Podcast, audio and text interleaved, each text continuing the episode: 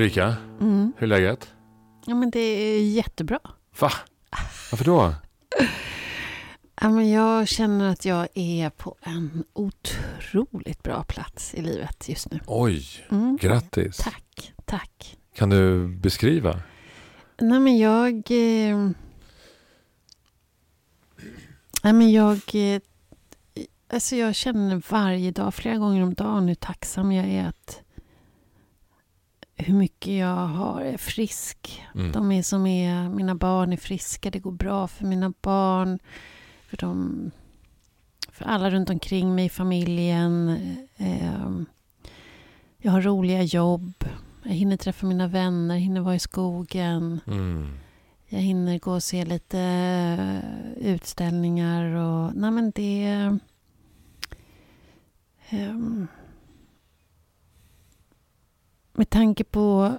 Att, jag tror också att det är i relation till omvärlden. Att, att eh, när det är så fruktansvärt mycket jobbiga saker som händer runt omkring och världsläget ser ut som det gör och många har det väldigt, väldigt tufft just nu. Så tänker jag att om inte jag är tacksam nu, Ah. när fan ska jag vara tacksam då? Ja. Nu, nu får jag liksom verkligen vara i att just nu rullar det. För Ja. det vet vi hur livet ser ut. Ja, det kommer att rulla ner för igen och bli Ja. nedförsbacke. Så, så ser det ut Så ser det ut. för oss alla. Men hur viktigt det är att, att njuta när det är bra. Mm. Hur, hur har du det? Ja, men lite likadant. Jag, jag kanske blir... Eh, alltså jag är inne nu i en period där jag måste sluta läsa nyheter. Mm. Eh, för att det, det, påverkar mig negativt. Eh, Ja, det är klart. Ja, det gör det. Men alltså, på- det är som att det, jag känner mig nästan som en, knark, en nyhetsknarkare. Liksom. Jag kan Mm. liksom inte låta bli. Eh, nästan så att jag får lite, lite ågren om jag känner så här att jag inte läser den här artikeln om Afghanistan eller Ukraina. Och då känner jag mig respektlös mot de som lider. Eh, att det, att det finns, en sån aspekt finns med i det hela. Att jag, just för att jag har det så otroligt bra. Att jag har tak över huvudet, jag har mat tre gånger om dagen. Mer om jag skulle vilja. Eh, mina barn är friska, mina barn lever eh, i, i fred. Liksom. Även fast det finns hotbilder här i Sverige också såklart, men inte på samma nivå. Liksom. Ehm, så nej, men jag, jag är inne på samma, eh, samma, samma resa. Att jag känner också att jag är på en väldigt bra plats. Mm. Eh, och jag känner mig tacksamhet. Men jag känner mig också lite skör just på grund av att, att, att läget är som det är i Mm. världen. Och, att, och läget är inte bara de här krigen som vi har i vår värld idag. Utan jag tänker också på den här ekonomiska utsattheten som en stor del av världen befinner sig i. Och inte minst här i Sverige. Eh, där folk har det svårt att betala Ja, det är- räkningar. Det är fruktansvärt. Eh, och eh, att det finns en oro i det. Eh, vad det kan leda till. Vi vet ju rent historiskt vad eh, när det blir kraftig recession liksom, i ekonomin att, att det kan leda till hemskheter. Liksom. Eh, Verkligen. Men jag, jag tänker att det också ger, eller i alla fall för mig, så gör det en känsla av att jag vill... Ja, men jag känner att jag måste faktiskt eh, vara med och bidra. mm, Så att jag anmäler mig till alla möjliga saker. Nu har jag, här i veckan här ska jag köra ut bröd från ICA-butikerna på Kungsholmen till olika ställen som behöver ja, mat. Ja. Där det inte finns mat och sådär. Eh, Nattvandrare i Järva. Och, ja, men, Ja, flott. Eh, nej, det vet jag inte. Men jag känner Jo. bara att det är... eh, Nu måste vi. Ja. Vi som nu råkar vara det, i det här tillståndet. Det. Nu får vi kavla upp armarna lite Ja. till de som inte är där. Ja. Och att det är, det är lite det som vårt samhälle nu behöver. Vi behöver hjälpas åt. Ja. Mm. Och sen så, jag brukar kanske onödigt att säga, men jag, jag tänker också så här att, att även om man, även den som bor i ett slott kan ha problem. Ja, men det Eh, har vi väl alla. Ja, just det, så att man inte glömmer bort liksom att man tror att, att, att de problemen jag har, bara för att jag har det så bra just nu materiellt till exempel, att, det är, att man inte har några problem. Men så kan det faktiskt vara. Folk kämpar ju i tillvaron också liksom. Som är, som är ja, själsligt. Ja, om man ska beteckna materiellt är ju bara en sak. Men ja, just, just nu när det är materiellt börjar bli så tufft för så många, ja. då är det också en väsentlig del. Det vet vi ju att, att det finns ju mycket studier som visar att rikedom inte gör oss lyckliga, men Nej, däremot precis. fattigdom gör oss olyckliga. Att till en viss nivå eh, av materiell trygghet så gör, så gör det väldigt mycket för ja. oss. Men överflödet gör det inte så mycket. Nej, just det.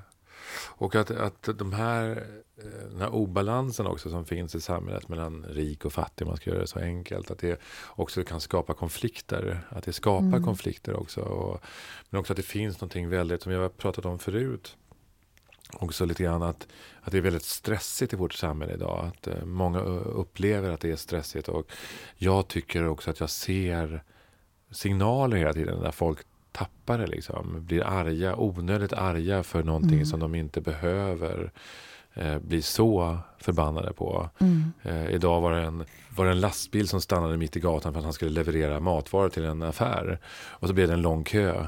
Eh, och han hade inte bråttom. Eh, det hade han inte. Eh, men han gjorde ju sitt jobb. Men då var det plötsligt en, en kille som for ut och var rosenrasande. Alltså han var röd som en tomat i fejan och han skrek liksom att han tyckte att det var för jävligt att den här mannen liksom. Och han, eh, den andra mannen liksom som gjorde sitt jobb. Han sa ju vad ska jag göra? Det finns, jag måste ju leverera liksom. Och, mm. eh, och, eh, och, och, då fanns en... O, vad hände med dig då? då? Nej, jag, då, känner jag, då känner jag en oro. Ah. Jag blir lite orolig att det ska bli slagsmål. Mm, jag blir orolig att det ska bli en riktig konflikt. Jag, jag sätter handen på, på min, mitt, min, min, dörr för att springa ut där och jag hoppas inligt att det, han inte ska gå närmare den här mannen mm. som har stannat lastbilen, liksom, att det ska bli någonting sånt där. Mm. Och tack och lov så gjorde han inte det heller, utan han stod på behörigt avstånd och gastade liksom, mm. med mobilen i hand också. Jag, eh. jag var med om precis samma sak eh, när jag skulle köra iväg igår. Jag skulle åka och tvätta bilen och eh, hamnar på en liten gata där, där en lång, stor jättebil står liksom tvärsen. För, för att eh, det här är en kille som då ska leverera saker in i, i uh, en butik. Och han verkar lite ny på jobbet. Så han skulle köra en sån här, eh, vad kallas det för, truck. Ja. Och då skulle han, ja, fällde han ju ut, eh, vad heter det? I bilen där bak. Ja, alltså, ja, den som sänks ja, upp och ner. slags hiss. Någon slags hiss. Och så skulle han köra ut den här trucken då, men nej, så var den lite fel. Körde han in den igen, svängde, körde ut den igen, försökte hissa ner. Nej, det gick inte. Gick in igen och det samlades bilar bakom mig. Och jag måste säga, eh, ja, men jag tyckte det var lite mysigt. Ja, det tyckte du? Ja. Jag stängde av motorn, lutade mig tillbaka och andades. Så tänkte jag, nu är det lite roligt att se vad som händer där bakom mig. vad hände, hände någonting då? Eh, ja, det var någon som började blinka ja. eh, med helljuset. Um, och så satt jag och funderade på, för sen åkte han ju in med sin, när han väl kom ner då med hissen, så åkte han ju in i butiken med ja, sin lilla truck. Och då satt jag och tänkte på, undrar om det finns en annan förare som skulle kunna åka iväg med bilen nu, så att vi andra skulle komma förbi. Eller om det är en kille som gör alltihopa, han ja, både kör och fixar med trucken och sådär. Ja. Satt jag där och funderade, men, men eh, sen kom killen med trucken kom han in och skulle, eller kom ut och så skulle han ju på den här hissen igen och ja, lite fram och tillbaka och hissen. Och det visade sig att han körde ju även, även den här bilen. Och då tänkte jag att oj vad vi behöver öva på det här. Ja. Att stanna. Ja. Och att vara där vi är. Ja. Mm. Det krävs lastbilschaufförer för det. Ja. Som ska leverera matvaror. Men det, det leder oss in lite grann på eh, dagens gäst. Mm. För det är faktiskt någon som eh, Expert jobbar... på konflikter. Som, ja, vad sa du? Expert på konflikter. Ja, hon mm. jobbar med konflikter. Hon jobbar på Fryshuset eh, med unga, brottsförebyggande arbete på Fryshuset. Och hon, har, hon menar på att fredsarbete även behövs i Sverige. Mm. Och därför har hon tagit hit en, en konfliktlösningsmetod som heter Dialogue for Peaceful Change. till Sverige. Och den jobbar hon eh, med. Det, det, det, det är någon slags eh, eh, metod som kommer från Nordirland och där har de ju haft konflikter så det inte duga ju. Och hon är i grunden statsvetare och eh, har precis gjort klart sin master i politik och krig på Försvarshögskolan. Där hon har handlat om hur avhopp, jag kan inte exakt eh, benämningen på hennes master, eller det är hennes, men hon, det handlar om extremiströrelser och hur man hoppar av eh, mm. de eh, ja, avhopparverksamhet. Av, avhopparverksamhet. Mm. Mm. Och hon heter så mycket som Sara Dola. Aha. Jag går och hämtar henne. Jag gör det.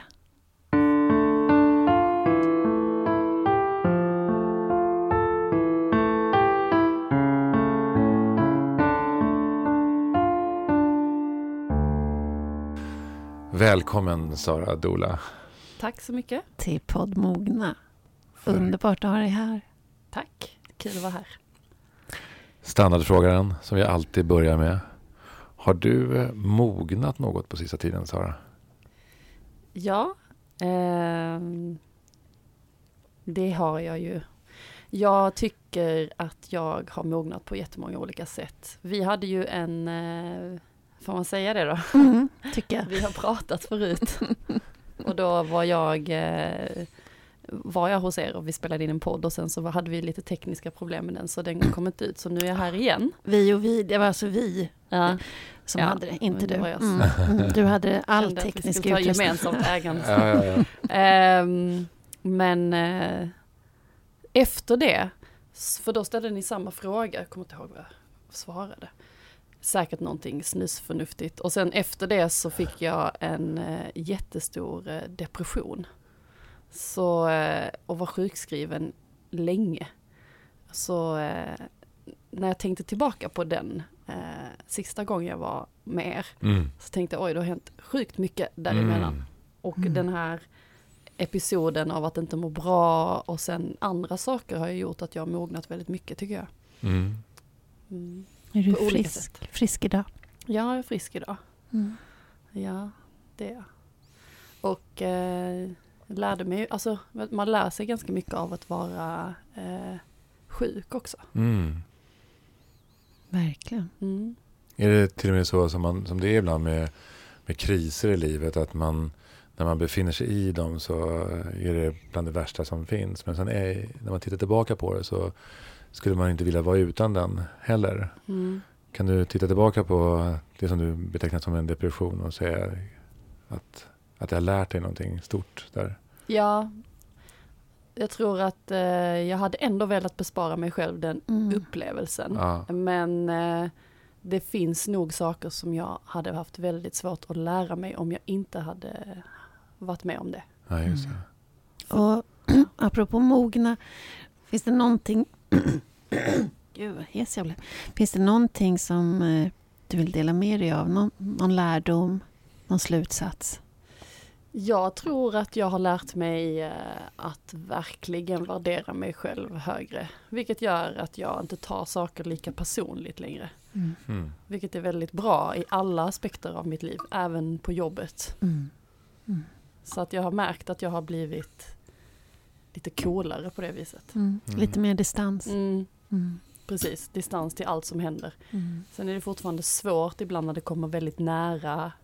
Men eh, jag är bättre på att ta distans till sånt som sägs, sånt jag känner, sånt mm. som jag är med om. Mm. Jag tar det inte lika personligt längre. Mm. Det är häftigt. Mm. Mm. Det är hjälpsamt. Jag, jag tänker också att det har mycket med stress att göra. När vi blir stressade så kommer saker mycket närmare och man blir skörare. Det går mm. lite rakt in ibland. Precis. Man, mm, så att också att ta det lugnt. Ja. Hänger ihop. Det, jag, det är jag också mycket bättre på nu. mm. Det betyder också att du, att du värderar saker olika idag. Att du har, har lättare att sortera.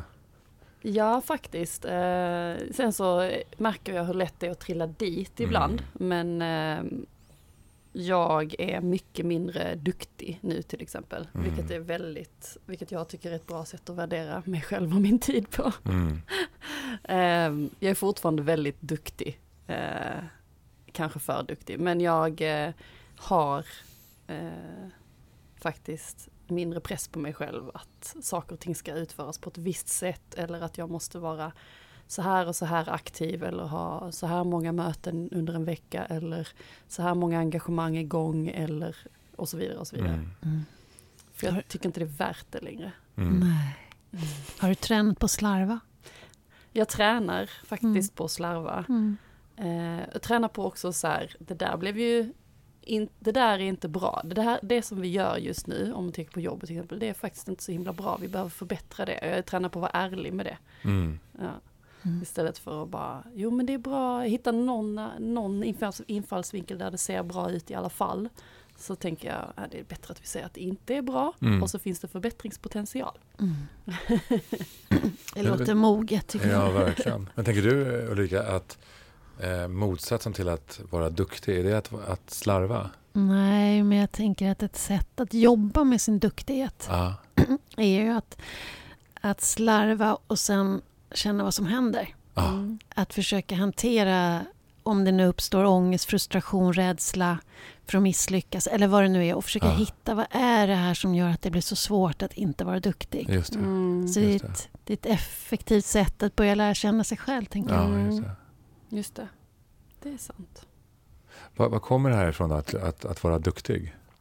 Vad är, Alltså, om man då ska tänka på Ulrikas sätt, vad händer om jag är slarvig? Eh, så har det nog innan varit så att, om man tänker på jobbet, att jag har blivit väldigt rädd. Mm. Att jag inte ska vara eh, uppskattad en del av, att jag kanske inte ska bli sedd, att man ska missa min kompetens, vad jag kan. Alltså att bli missad, att inte bli sedd.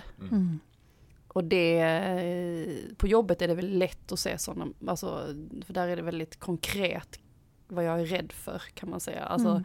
att man inte ska bli befordrad, att man inte ska bli upplockad, Mm. att man ska jobba så ska ingen uppskatta det, man ska inte få en löneökning för att Mm. ingen tycker att man gör ett bra jobb.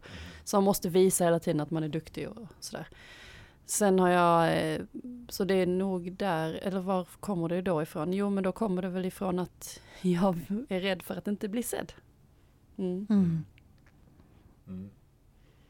Eh, Och och att få vara med, tänker jag. Mm. Att få, få vara den som räknas. mm, Ja, det är som de flesta av oss kämpar med, tänker jag. mm, Att försöka hålla ordning på, sortera i det där vem jag är och mitt värde och det jag gör. mm. Det är ett jäkla jobb alltså. Ja, verkligen. Mm. Sen är det bra att vara duktig också. Mm. På Mm. många sätt. Alltså så att det inte är det. Man får ju vara försiktig där Ja. när man pratar duktiga flickor. Birgitta Olsson tycker jag skrev väldigt bra om det i sin bok. Att det kan också bli någon slags dubbel bestraffning. Ja, Man blir bestraffad för att man är duktig för då är man för duktig. Då är man Mm. duktiga flickan. mm, Och är man inte duktig då blir man straffad för det. ja. Eh, så att vad man än gör så, så blir det fel. Så att det tänker jag också. När jag läste Birgitta Olssons bok så tänkte jag själv mycket på det. För jag har också en väldigt duktig dotter. Mm, Eh, och jag har också varit väldigt duktig i mitt liv. Eh, och jag var ju, innan jag läste boken och innan jag pratade med Birgitta så, så var jag väldigt mån om att tala om för min dotter att hon inte behöver vara så duktig. mm, Och, och var väldigt... Uh, gav inte jättemycket uppmärksamhet åt prestation för att jag inte ville att det var det som vi skulle prata om. Det var inte där. Istället för att säga att hon är helt fantastisk som presterar så här bra också. Mm, Att, eh, att jag inte får... Jag måste sortera här. Jag måste Mm. också kunna berömma den här fantastiska prestationen och vara glad och fira det. Men samtidigt ge det andra. Att det, det är inte det ena eller det andra. Att jag älskar henne för den hon är oavsett vad hon presterar. mm. Men jag måste kunna göra både och. Ja, Så det, det lärde jag mig av den boken. Att inte, alltså man kan inte heller liksom osynliggöra den duktiga prestationen för att man inte ska nej, personifiera sig med sin leverans. nej. Nej. Det är den berömda balansen. Eh, Det är att väga båda delarna i... Och sen är det ju här att, att om... Egentligen är, tänker jag då att det inte är duktigheten i sig som är faran eller hotet utan det är det som sker om jag inte lyckas leverera, om jag inte lyckas vara duktig. Hur förhåller jag mig då till mig själv? Eh, det, så är det i alla fall för, för min del. Liksom, att eh, om, jag inte, om jag inte presterar eh, som jag hade förväntat mig så kommer en, en väldigt hård kritiker fram. Och det är någonting som jag också jobbar med. Eh, för det, det, den biten är inte kreativ. Den, den ger mig ingenting. Den, den sänker mig snarare. Liksom. Så att jag tänker att, eh, att vara duktig kan ju vara bra. Men det, jag tänker på också hur vi betonar här nu vad, vad duktig är för någonting. Så, blir det plötsligt som att det låter lite negativt. Men det är ju, i princip så är det ju bra. Mm. Utan det är liksom vad, vad gör vi om, om vi inte lyckas? För det tillhör ju också livet att, att faktiskt misslyckas med vissa bitar. Ja, hela tiden och att ja. man inte... Ja, att kunna ha lite distans till det. Mm. Men vi ska ju prata om konflikter. Mm. Vad är en konflikt för dig? Mm, en konflikt är när eh, två olika parter eller fler är, inte är överens om någonting. Det är ganska mm. enkelt. Kan det vara en konflikt som inte behöver vara så allvarlig? Eller så kan det vara en väldigt allvarlig konflikt som leder till jättestora eh, saker. Mm. Så det är inte så himla svårt. Eller, oenighet helt En enkelt. oenighet kan vara en konflikt. Vi brukar prata om, eh, i den metoden jag jobbar med, så brukar vi prata om alltså ett eh, spektrum från allt ifrån tjafs till eh, eh folkmord. Liksom. Allt mm. däremellan är ju konflikt. Mm. Mm konflikt i sig, kan det vara något positivt? Ja, definitivt. Mm. Det är ju jätteviktigt att vi har konflikter för mm. att vi ska utvecklas. Så mm. all förändring är ju någon form av, eller hur brukar vi säga egentligen? Brukar vi säga all konflikt är någon form av förändring. Mm. Eh, så, um, så motstånd ja, är konflikt motstånd i den bemärkelsen? kan vara konflikt och motstånd till förändring är definitivt ofta konflikt. Mm. För då är det någon som vill något och någon, någon vill fram och någon vill inte fram till exempel. Mm. Eller vill stanna. Då har man ju en konflikt. Mm. Så, och de flesta förändringar, särskilt större förändringar, brukar mötas av någon form av motstånd. Mm. Även om det är positiva förändringar. Mm. Så då förändringar är, är ju väldigt läskigt för, för många av oss. Är, man, man vill ju skynda långsamt ibland också. Mm. Men jag, jag, tänker också på, för att knyta an till det som du sa precis innan, det som vi pratade innan. Jag tänker på det här med konflikt och förändring och, och depression. Mm. Jag tänker att det, den konflikten är ju också, jag tänker att man, den, det är en inre konflikt eh, där, eh, som leder till en depression. Mm. Eh, och den är ju väldigt eh, möjlig att lägga utanför sin egen kropp och sin, sin egen själ om man så vill. Och just lägga det på i, på, på, på samhällsbas. Liksom. Mm. Att det är, det är, samma komponenter som styr på något sätt. Liksom. Eh, både den inre konflikten och det som sker i vårt samhälle. Mm. Och många gånger så tänker jag också det när man tittar på hur världen ser ut. Om man ska ta en sån man som är väldigt enkel nu, som Putin till exempel nu. Mm. Man ser ju hur konfliktfylld han är. Bara i, i hans uppenbarelse mm. så känner jag att, att, man, att där är mycket som han inte har löst. Hur menar så, du då? Att han ser konfliktfylld ut? Nej, men jag, alltså jag, jag, tänker, nu, det är klart att det är en projektion, liksom, eh, men, men eh, det är ändå, men ändå så att vi har ju en del fakta. Att mannen har ju faktiskt startat ett krig. Eh, men jag, jag, tänker på att det finns, hans inre konflikter lägger han på ett yttre plan. Mm. Eh, och eh, det vore, det vore intressant att veta liksom, hur han ser på några av de här sakerna som vi började samtala om. Mm. Eh, mm. Och ibland så kan det ju också vara så eh, att aggression, eh, i synnerhet hos män, kan ju vara bottna i depression. Mm. mm. Också. Mm. Alltså det här med att agera, utåtagera eller inåtagera. Mm. Män kanske, nu har jag ingen fakta på det, men alltså jag brukar tänka i alla fall att det verkar vanligare att män agerar utåt när de har något inombords som inte känns bra. Mm. Alltså kanske med våld eller eh, på det viset och kvinnor agerar inåt men båda gör ändå våld, då gör man våld på sig själv inåt liksom. Sen så är det ju inte, alltså det är bara min egna observation. Ja. Men jag tänker att det finns undersökningar på det på alla fall på ungdomar, att pojkar mer slåss, alltså mer utåtagerande medan flickor skär sig och Mm. gör andra, liksom, Mm. gör våld mot sig själv. Ma- Ätstörning och...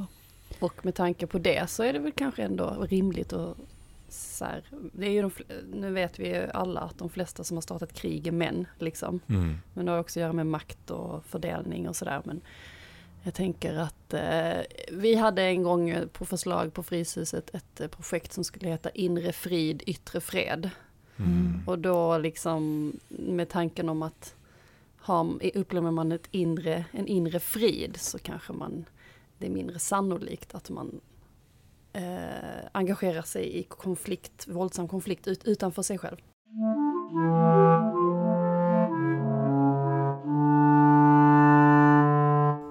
Men jag, jag, jag, jag tänker att det stämmer det där, alltså en inre frid.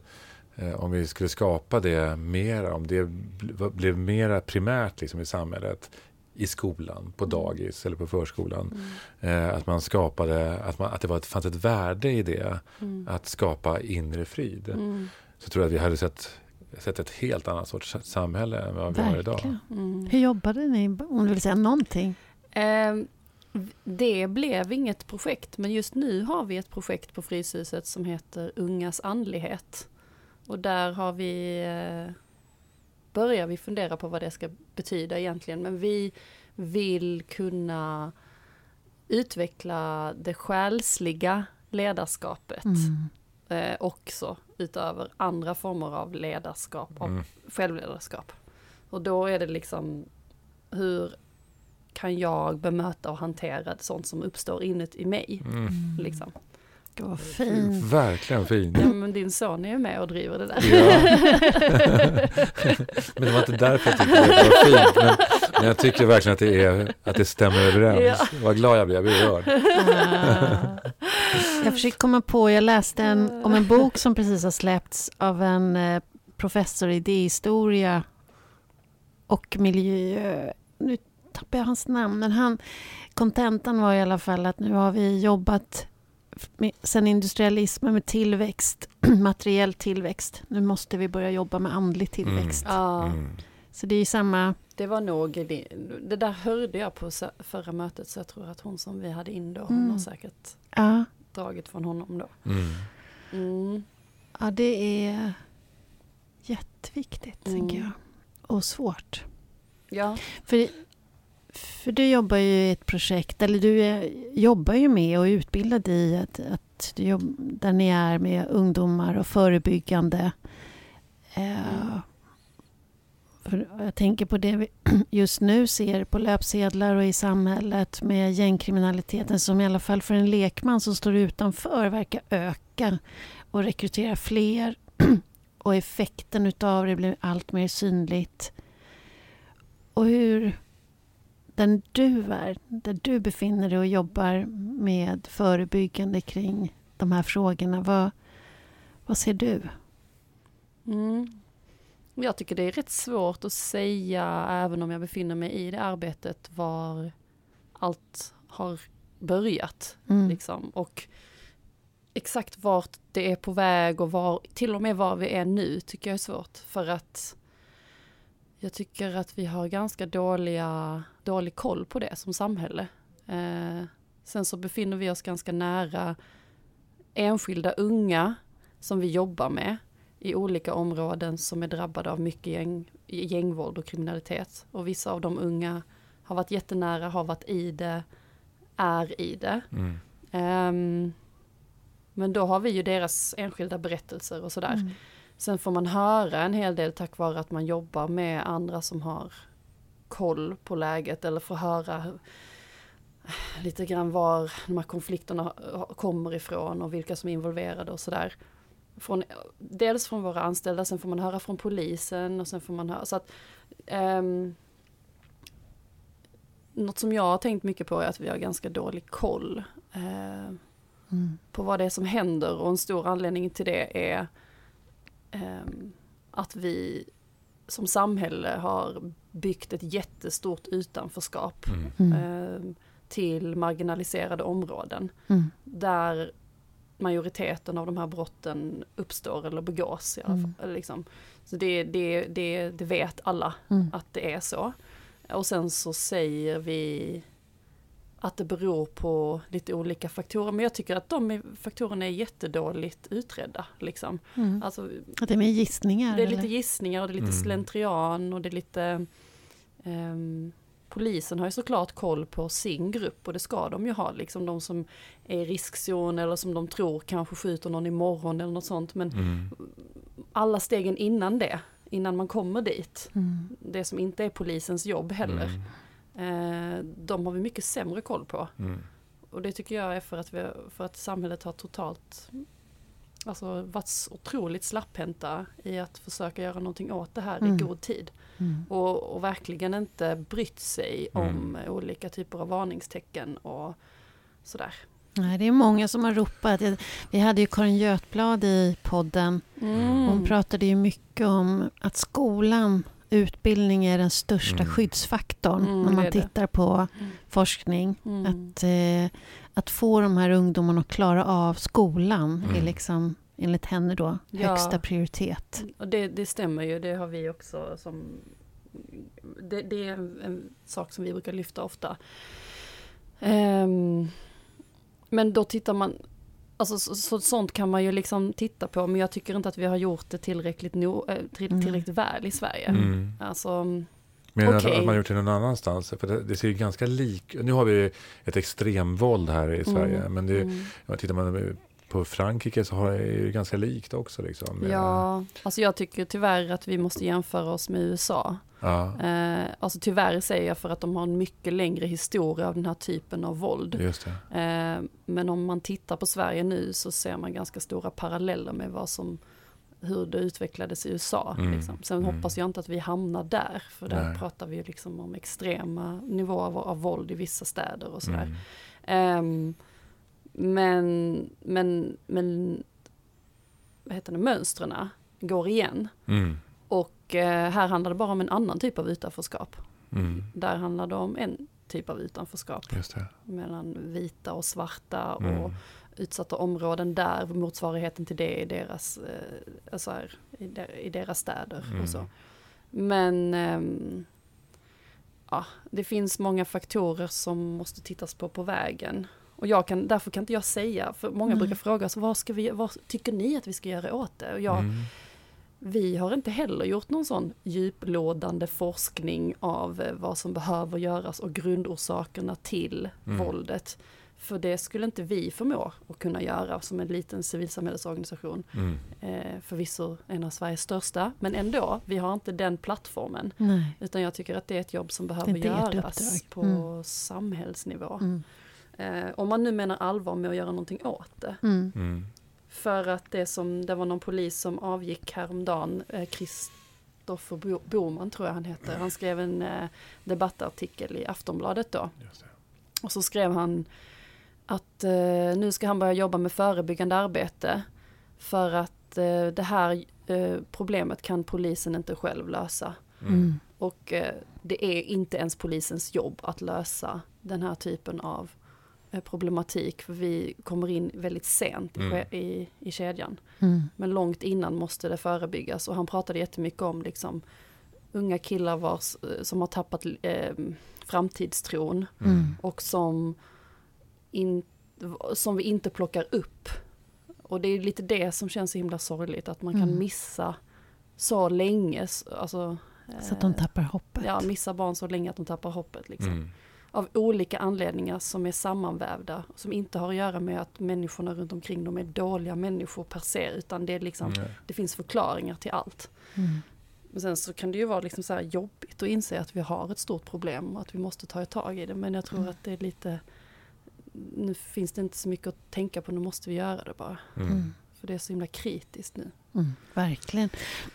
Men du som kommer i kontakt, även om inte du och ni gör ingen forskning, men det är ändå väldigt anekdotiskt. Mm. Ni kommer ändå i kontakt med många ung- ungdomar, och kanske barn till och med, eh, som när ni jobbar med, och du jobbar med brottsförebyggande aktiviteter och projekt. Hur, vad gör ni? Vad, är, vad, Mm. vad ser du, just där du är, som Mm. gör skillnad? Um, alltså vi jobbar ju med, om man, om, man, om man definierar en stor del av problematiken till att vara, ha att göra med utanförskap, mm. så jobbar vi med hur man kan skapa delaktighet mm. eh, och inkludering. Och då, eh, jag har en jätteklok kollega som heter Maj och hon jobbade med en annan kollega, hon var med och tog fram något som kallas för delaktighetsmodellen som vi använder på Fryshuset. Um, och då kan man väl säga att vi, när vi går in i en verksamhet eh, eller mot en viss målgrupp så, så försöker vi först få en bild av var befinner sig den här målgruppen på vår delaktighetslinje. Mm. Hur långt innanför eller utanför samhället upplever de sig själv vara? Mm. Så då tittar vi på um, det är de som gör, själva gör en uppskattning av det, eller gör ni en Ja, de, de, vi gör väl den uppskattningen i början, alltså när vi, vi har ett hum om vilka vi jobbar med och vilka ja. vi vill jobba mot. Liksom. Om vi till exempel tittar på unga nyanlända mm. så kan väldigt många av dem känna sig som att de inte är en del av samhället. Och mm. det, det, kan ibland leda till att de istället för att vilja vara med i samhället, för att vilja bidra positivt i samhället, för att känna tillit, och alla de möjligheter som det kan skapa, så man, man liksom vill jobba, man vill mm. eh, gå i skolan, så kanske man är så långt utanför att man känner att det vill jag inte, för det är ingen som vill ha mig heller. Mm. Och det finns inget här för mig, så det är bättre att jag går med i en destruktiv, i ett destruktivt sammanhang. Jag kan, det finns kanske ett gäng mm. som ser mig och som mm. ger ja. mig möjligheter, och där jag känner mig inkluderad mm. och accepterad och sedd och uppskattad. Eller så finns det kanske en extrem eh, rörelse som ger samma typ av känsla av eh, tillhörighet. tillhörighet ja, eh, så det vi eh, väldigt mycket jobbar med, och väldigt många av våra verksamheter jobbar med, är liksom att skapa till, tillhörighet, känslan av tillhörighet. Det är det första steget. Mm. Så har man kanske väldigt enkla saker som att spela fotboll tillsammans mm. eller gå och eh, spela musik ihop och ha en väldigt stark och trygg ledare där som får en att känna sig inkluderad. Mm. Så att man faktiskt har ett sammanhang i samhället där man känner sig hemma. Mm. Och sen så, det jag jobbar med specifikt, det är en utbildning i konfliktlösning och medling mm. eh, som heter DPC. Och den tar vi in i ett andra skede, för då behöver vi unga som redan känner sig lite inkluderade, som känner sig lite varma i kläderna kring att vara på Fryshuset eller har kanske varit i någon verksamhet. Och som är redo att ta nästa steg, alltså lära sig något nytt. Och att kanske träffa andra som de inte känner sedan mm. tidigare. Eller mm. som är ut, från utanför deras komfortzon. Mm. Alltså kanske inte från området eller från samma könstillhörighet eller vad det nu är som kan vara utanför deras komfortzon. Mm. Um, så vi jobbar väldigt systematiskt med att se så här, vad är den här unga personen redo för? Mm. Den kanske är redo för ett, en steg ett verksamhet som är lågtröskel. Eller steg två som är mitt program. Mm. Eller steg tre som är att de får eh, verktyg för att själva påverka och leda andra unga. Mm. Då blir de ledare liksom. Så vi jobbar med den här förflyttningen hela tiden från utanför till innanför. Mm. Och på individnivå? Ni, det är inte grupper ni jobbar med utan ni jobbar med individer då? Alltså det är ju det som man skulle kunna, vissa har kanske undrat, är det rätt? Men vi jobbar väldigt mycket individ. Mm. Um, för att vi jobbar, alla unga ska få en, en känna att de kunna vara, ska kunna vara en uh, del av samhället. Mm. mm. Men om man vill jobba på strukturell förändring, mm. då måste man ju titta uppåt, eller då måste man jobba på grupp. Just det. Eh, eller med påverkan. Mm. Och det mm. gör vi också. Mm. Men i mindre skala än vi jobbar mot enskilda unga. Liksom. Mm. mm. Så man kan, ju, man kan fråga sig ibland hur mycket påverkar vi systemet med det vi gör. Mm. Eh, släcker vi bara bränder liksom. Eh, men det har jag också försökt jobba med i min verksamhet. Att vi även försöker påverka strukturellt. Hur då? Eh, bland annat så har vi haft politikerträffar och konferenser med många inbjudna från olika delar av samhället, både från unga till då politiker till eh, personer som jobbar i kommun mm. till och så vidare. Mm. Som till exempel har tagit upp gäng, gängproblematik och eh, pratat om det från en massa olika perspektiv mm. och skrivit liksom, debattartiklar och skrivit rapporter kring det och skickat policyförslag till politiker, använt våra kontaktnätverk till politiker högt uppsatta för att liksom, mm. ja men det här föreslår vi. Det är ju ett, ett sätt att göra det på. Ett annat sätt har varit att låta unga prata med politiker direkt. Mm. mm. Eh, antingen i informella samtal på Almedalen eller i formella samtal i någon panel. Men att liksom lyfta deras röster ra rakt upp till den mm. plattformen. Mm. För att de det är kanalerna. de som kan prata om det. Mm. För att de är med om det. Mm. Och då försöker vi ju komma så nära som möjligt. Liksom. Mm. Det kan ju, behöver inte vara att det är någon ung, men vi har ju ändå allt ifrån någon som blivit skjuten själv till någon som förlorat en vän till, alltså de här som är runt problematiken mm. och som vars röster inte får höras så ofta. Men som också har ett jättestort engagemang för de vill ju, om det är någon som inte vill att våld det ska finnas så är det ju dem. Mm. De är ju så nära drabbade. Mm. Så kan man alltså, ibland tro politiken att nej men de de är ju en del av problemet så varför ska de prata? Liksom? Mm. Men de är ju en av, några av dem som tycker det här problemet är det absolut största problemet. Mm. De kanske största förändringsfaktorerna. Ja, precis. Men jag tänker när, på det som du gör, om man tänker på de här ungdomarna, du säger att eh, utmaningen är att de känner sig, eller är i ett utanförskap. Och hur bygger man då bron till ett innanförskap och hur får man dem att välja att vilja bidra till samhället och vara en del av samhället istället för att söka sig till en grupp som är mot samhället och mm. utanför. Att, när jag hör dig så tänker jag att det måste handla mycket också om dels att, att vara närvarande i sig själv men också mycket om gränser och civilkurage och säga nej och säga stopp mm. till eh, att någon annan inte får göra illa mig och jag vill inte att andra ska göra illa. Att vara... Är det så eller är, det, är jag ute och cyklar? Um, nej men vi... Du menar hur vi jobbar med dem? Mm, ja. att, det, att, det, att det är en central del. Ja. Jag tänker på i konflikt, hantera konflikt och gränser. Och... Mm. Um, alltså vi, vi gör ju flera olika saker med de unga som är med. Um, att dra gränser och uh, veta när och man kan och när man inte kan till exempel involvera sig eller engagera sig i en konflikt är någonting som vi pratar väldigt mycket om. Mm. Um, de flesta som vi jobbar med de vill väldigt gärna påverka, förebygga, liksom stoppa konflikter. Mm. Um, och ganska ofta så handlar mycket av det vi lär ut om, när, om att de inte ska göra det lika ofta som de faktiskt gör det. Mm. Alltså vissa tror att vi försöker lära ut medling till unga så att de ska gå ut och medla i farliga situationer. Mm. Men jag tror att vi faktiskt har lärt dem, alltså att vi oftare har landat i att säga det här är för farligt, ni ska mm. inte vara i sådana här situationer, det är inte mm. bra för er och det är inte heller, ni, det är inte lämpligt att det är inte en lämplig insats för det som pågår, utan mm. det som pågår är någonting som ska skötas av en annan instans. Mm. mm. Men eh, det man kan göra kanske man inte inser, och det vi hoppas att vi lär ut är att vi kan hjälpa dem förstå när de kan förebygga och mm. sänka mm. spänningar som är mm. på väg att hetta upp, alltså hetta till men inte riktigt är där än. Och sen också efter någonting har hänt så kan man göra mer än man tror för att efter någonting har hänt så händer oftast inte så mycket. Mm. Men det är en väldigt viktig, eh, ett viktigt skede att faktiskt agera i. För att då är det väldigt många relationer som är brutna eller skadade. Mm. Där personer som um, står långt ifrån varandra och inte förstår varandra eller har berättelser om varandra som är skadliga och som i sin tur kan leda till en ny konflikt i framtiden. Mm. Och då kan man agera medlande i en sån situation. Att till exempel eh, försöka skapa sammanhang där folk får mötas, prata med varandra, höra varandras perspektiv och sådär. Mm.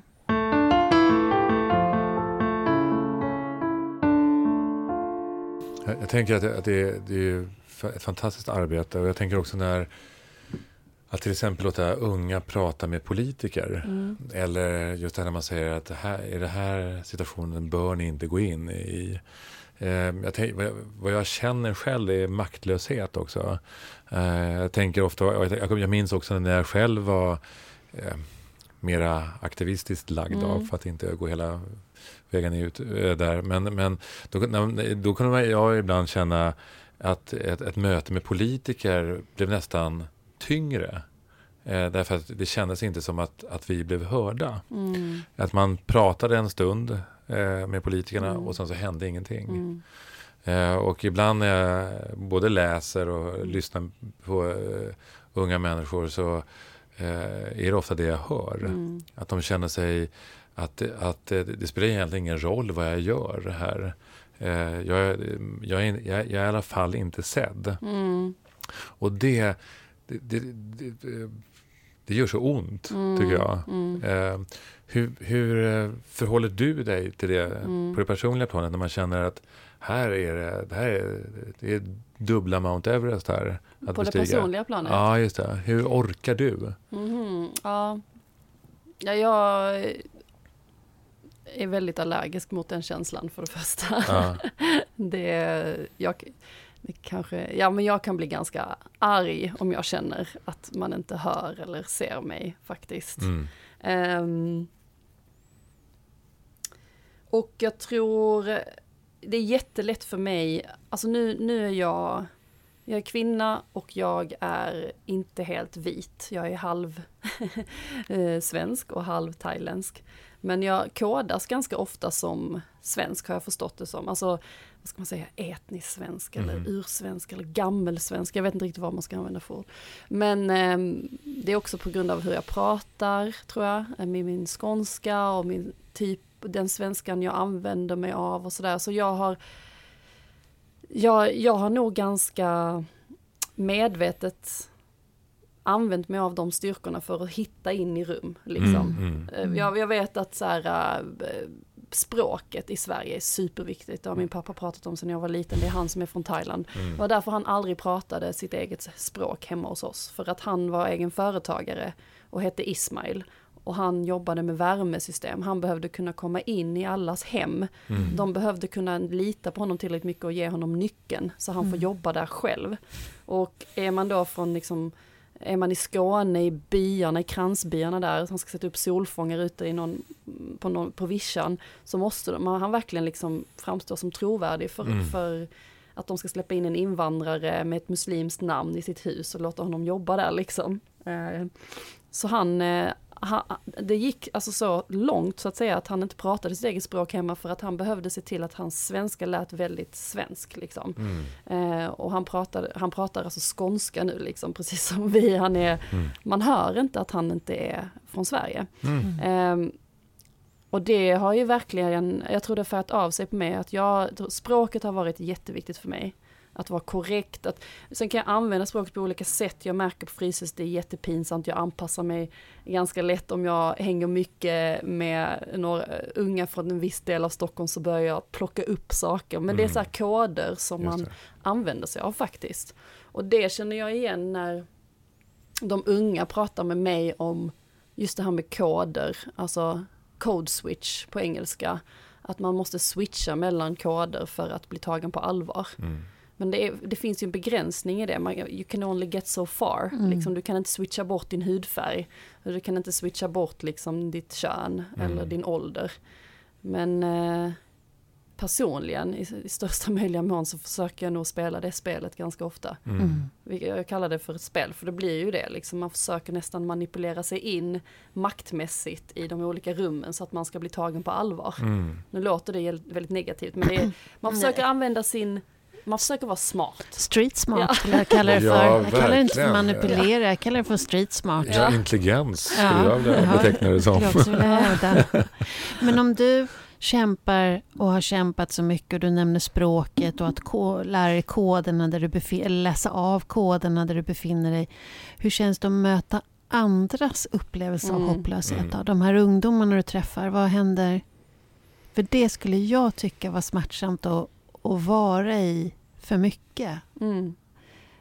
Och samtidigt, ja, eller vad, vad känner du? Jag tycker det är smärtsamt, men det är också min drivkraft. För det är Mm. faktiskt därför jag jobbar med det här. Alltså att lyfta, alltså om jag kan hitta smarta sätt, om jag kan använda mig av den här street smarten för att liksom lyfta dem, Mm. på olika sätt. Det är typ det jag gör när jag tänker efter. Det är väldigt mycket brobyggande. Mm. Det är så här, okej, okay, eh, en strategi för det här då.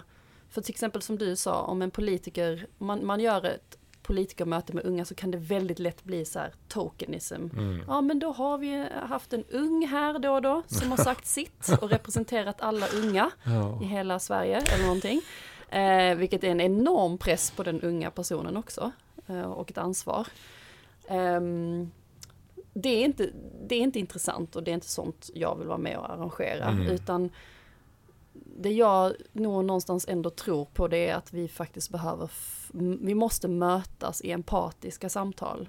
Och det är också det som den här metoden jag jobbar med pratar om. Vi pratar om att skapa empatisk kommunikation mm. för att lösa konflikter. Och att man kan, man kan eh, medla på ett sätt som gör att de olika parterna ökar sin empati, empatiska förståelse för varandra. Mm oavsett om de kommer komma överens eller inte så går det att öka liksom, eh, deras förmåga att se varandra mm. Mm. mm. som människor. Och det, det vill jag göra även när vi skapar så här politikermöten och sånt. Så vi designar ju dagarna för att de på något vis ska träffas, mm. mötas, känna någonting ihop. Mm. Liksom. Mm. Så det är jätteviktigt för mig att det inte bara är ett panelsamtal med standardfrågor utan det kanske ska påbörjas med någon form av möte i form av att de fikar med varandra och skrattar ihop liksom. Eh, ser varandra som människor, kanske berättar mm. något personligt.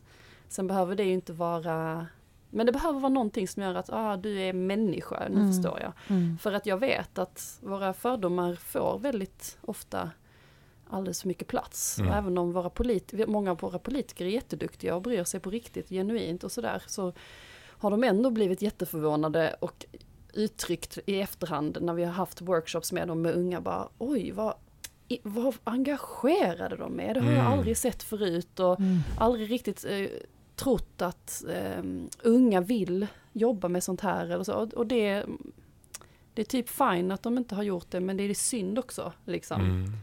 Eh, alltså jag dömer inte dem på det viset men det är det som känns som en del av mitt ansvar. Mm. Och se till att de här unga får chansen att visa det här. Mm. Eh, ja, ansvaret ligger ju inte bara på dem såklart, men nej, det ligger faktiskt på oss vuxna. Vi säger ju det på Fryshuset. Verkligen. Vuxna möjliggör, unga gör och vuxna möjliggör. Mm. Det är det som är ledarskap. Ja. Mm. ja.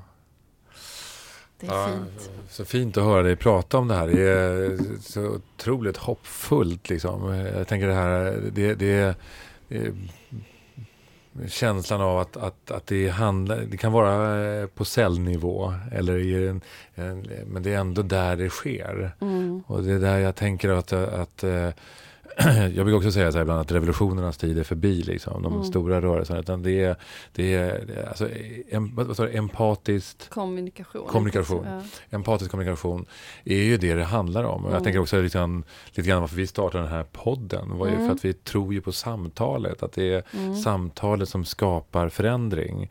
Eh, därför vi vi befruktar varandra på olika sätt. Mm. Eh, och att det är så otroligt. Och att, att samtalet inbegriper lyssnandet. Att det är en sån viktig del. Eh, och ännu mer i det samhälle som vi har skapat idag där, där, det, där det så går snabbt och det är, så, det är så mycket ljud och det är så mycket larm som sker hela tiden. Så mm. just det här samtalet, ett empatiskt samtal, att lyssna på varandra, det är, ja, det är otroligt vackert. Mm. Mm. Jag hörde någonstans om att du hade sagt att eh, en tanke som driver dig är önskan om att bidra till läkande i såriga relationer. Mm. Jag tänker du måste stöta på mycket såriga relationer i ditt arbete. Mm.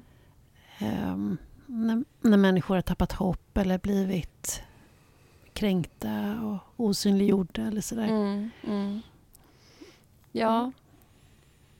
Är det, det, är det en drivkraft? Ja, jag blev lite fundersam nu när du sa det. Jag vet ju att jag har sagt det själv. Men det är klart det är en drivkraft. Sen så vet jag att jag bara tänkte, oj vad svårt det lät. ja.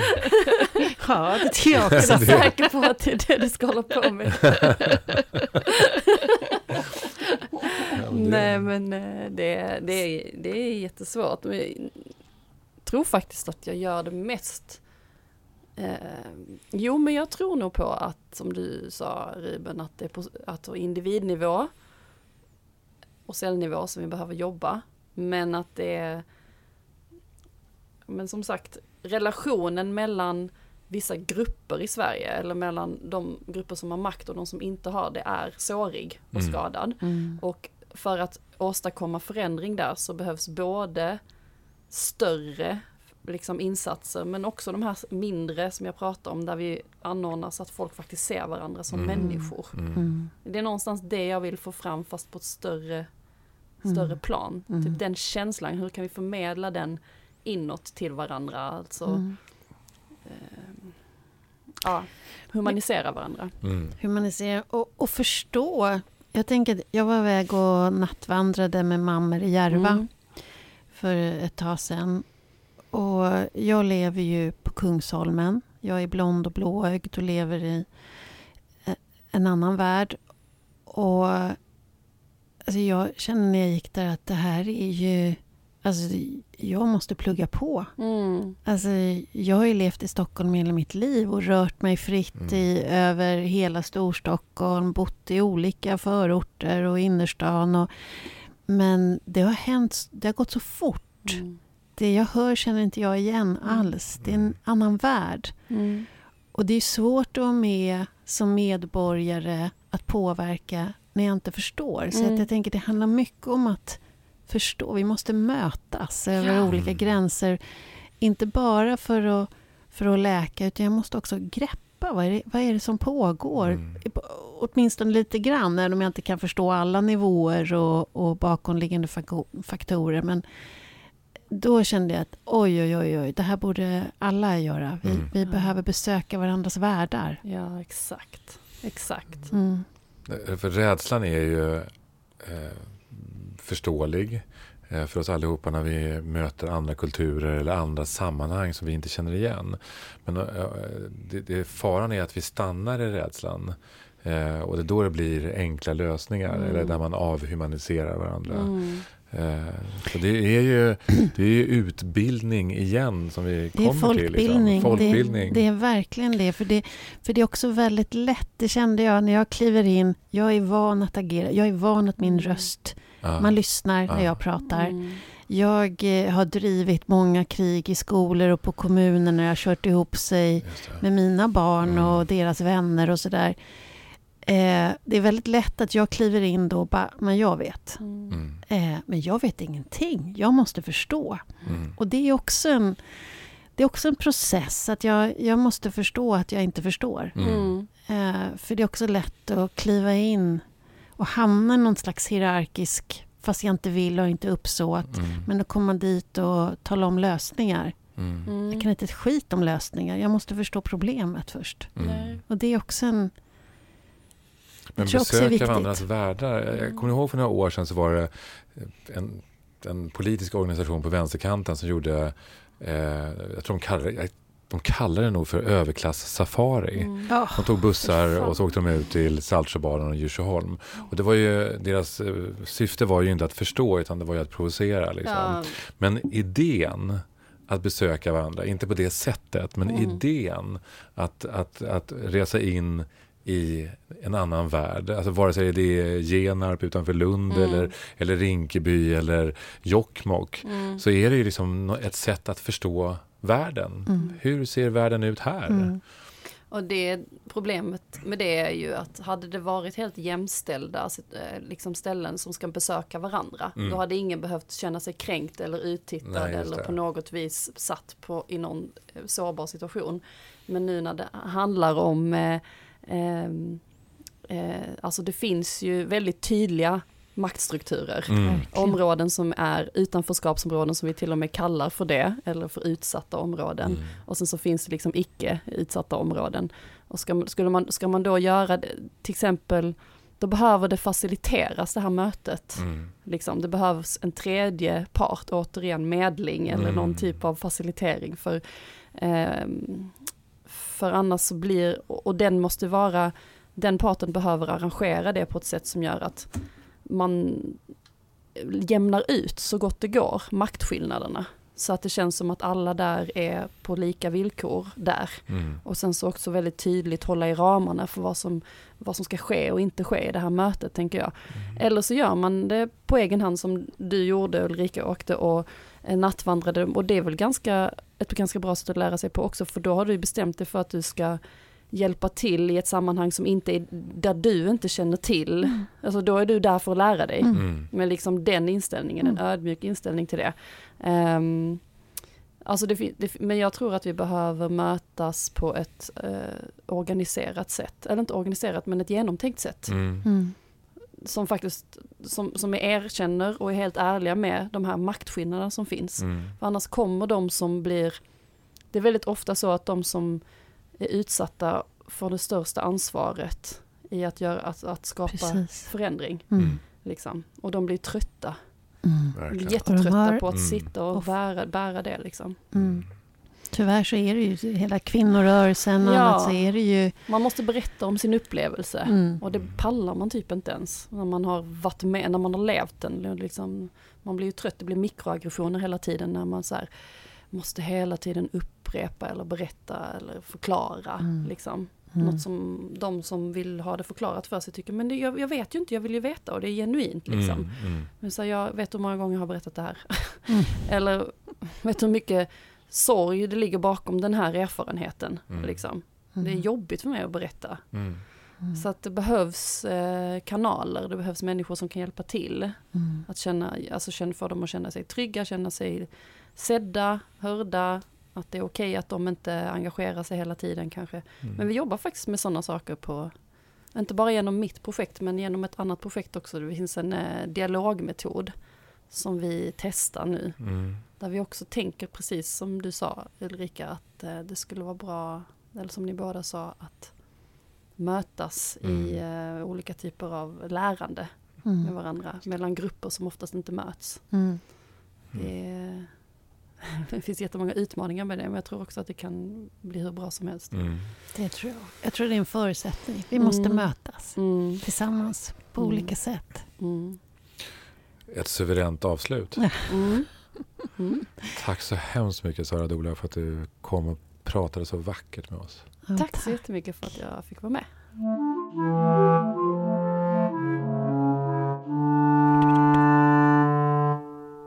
Tack Sara Dola. Mm, tack Sara.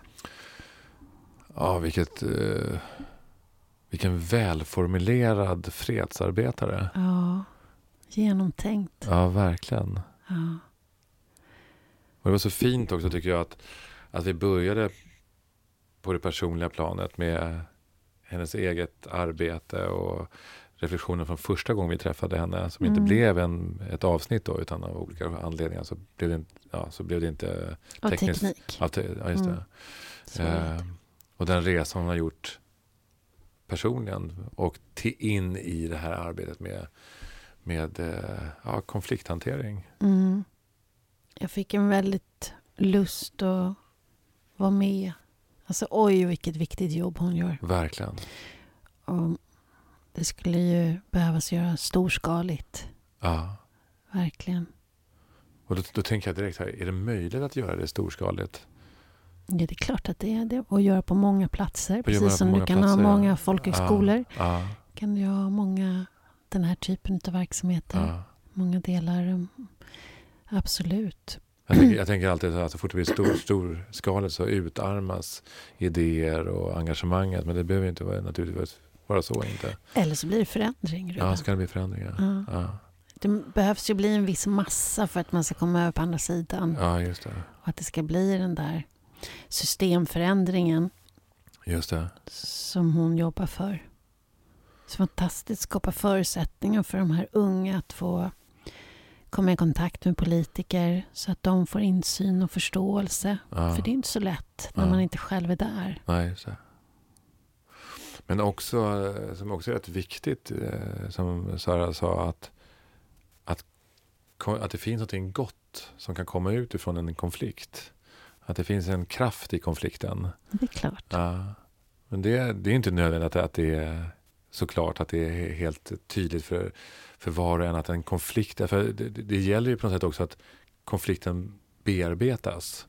En olöst konflikt är ju knappast eh, någonting positivt. Nej, men det är, väl, det är väl det hon jobbar med. Ja. Att lösa konflikter. Ja. Nej, men du, det måste vara... Alltså, du, vi kommer ingenstans utan konflikt. Ja. Utan konflikter är ju en förutsättning för att vi ska stöta och blöta olika perspektiv, Mm. fördjupa. Jag menar, titta på vilken kärleksrelation som helst. Mm. Har du aldrig några konflikter så blir det ju inte heller någon fördjupning. Nej. Nej. Ja, Det stämmer ju. Eh, och sen, sen, handlar, sen är det eh, även på det relationella planet såväl som i det större samhälleliga så beror det på hur konflikten ser ut. Därför att eh, sårar man varandra så eh, kan ju det vara ödesdigert liksom för relationen, för, Oh ja. för att kunna gå vidare. Och det har vi ju rätt många konflikter där man har förnedrat varandra på olika sätt. Oh. Eh, Just det, det handlar ju verkligen om att få kunskap i hur du hanterar konflikten. Just det. Just det. Att du vågar stå kvar i konflikten, vågar stå för det som du själv tycker och upplever, men det. samtidigt också få förståelse för det andra perspektivet. Det. Att din tolkning är inte den enda tolkningen av Nej, där vi befinner oss nu. Och att få lära sig metoder för det är ju fantastiskt. Ja, just det. Empatisk kommunikation. Mm, Ja, ja det är jag. vackert. Ja. vackert. Verkligen. Nödvändigt. Yes, det skålar vi på. Skål i vatten. Skål. Hej. Hej.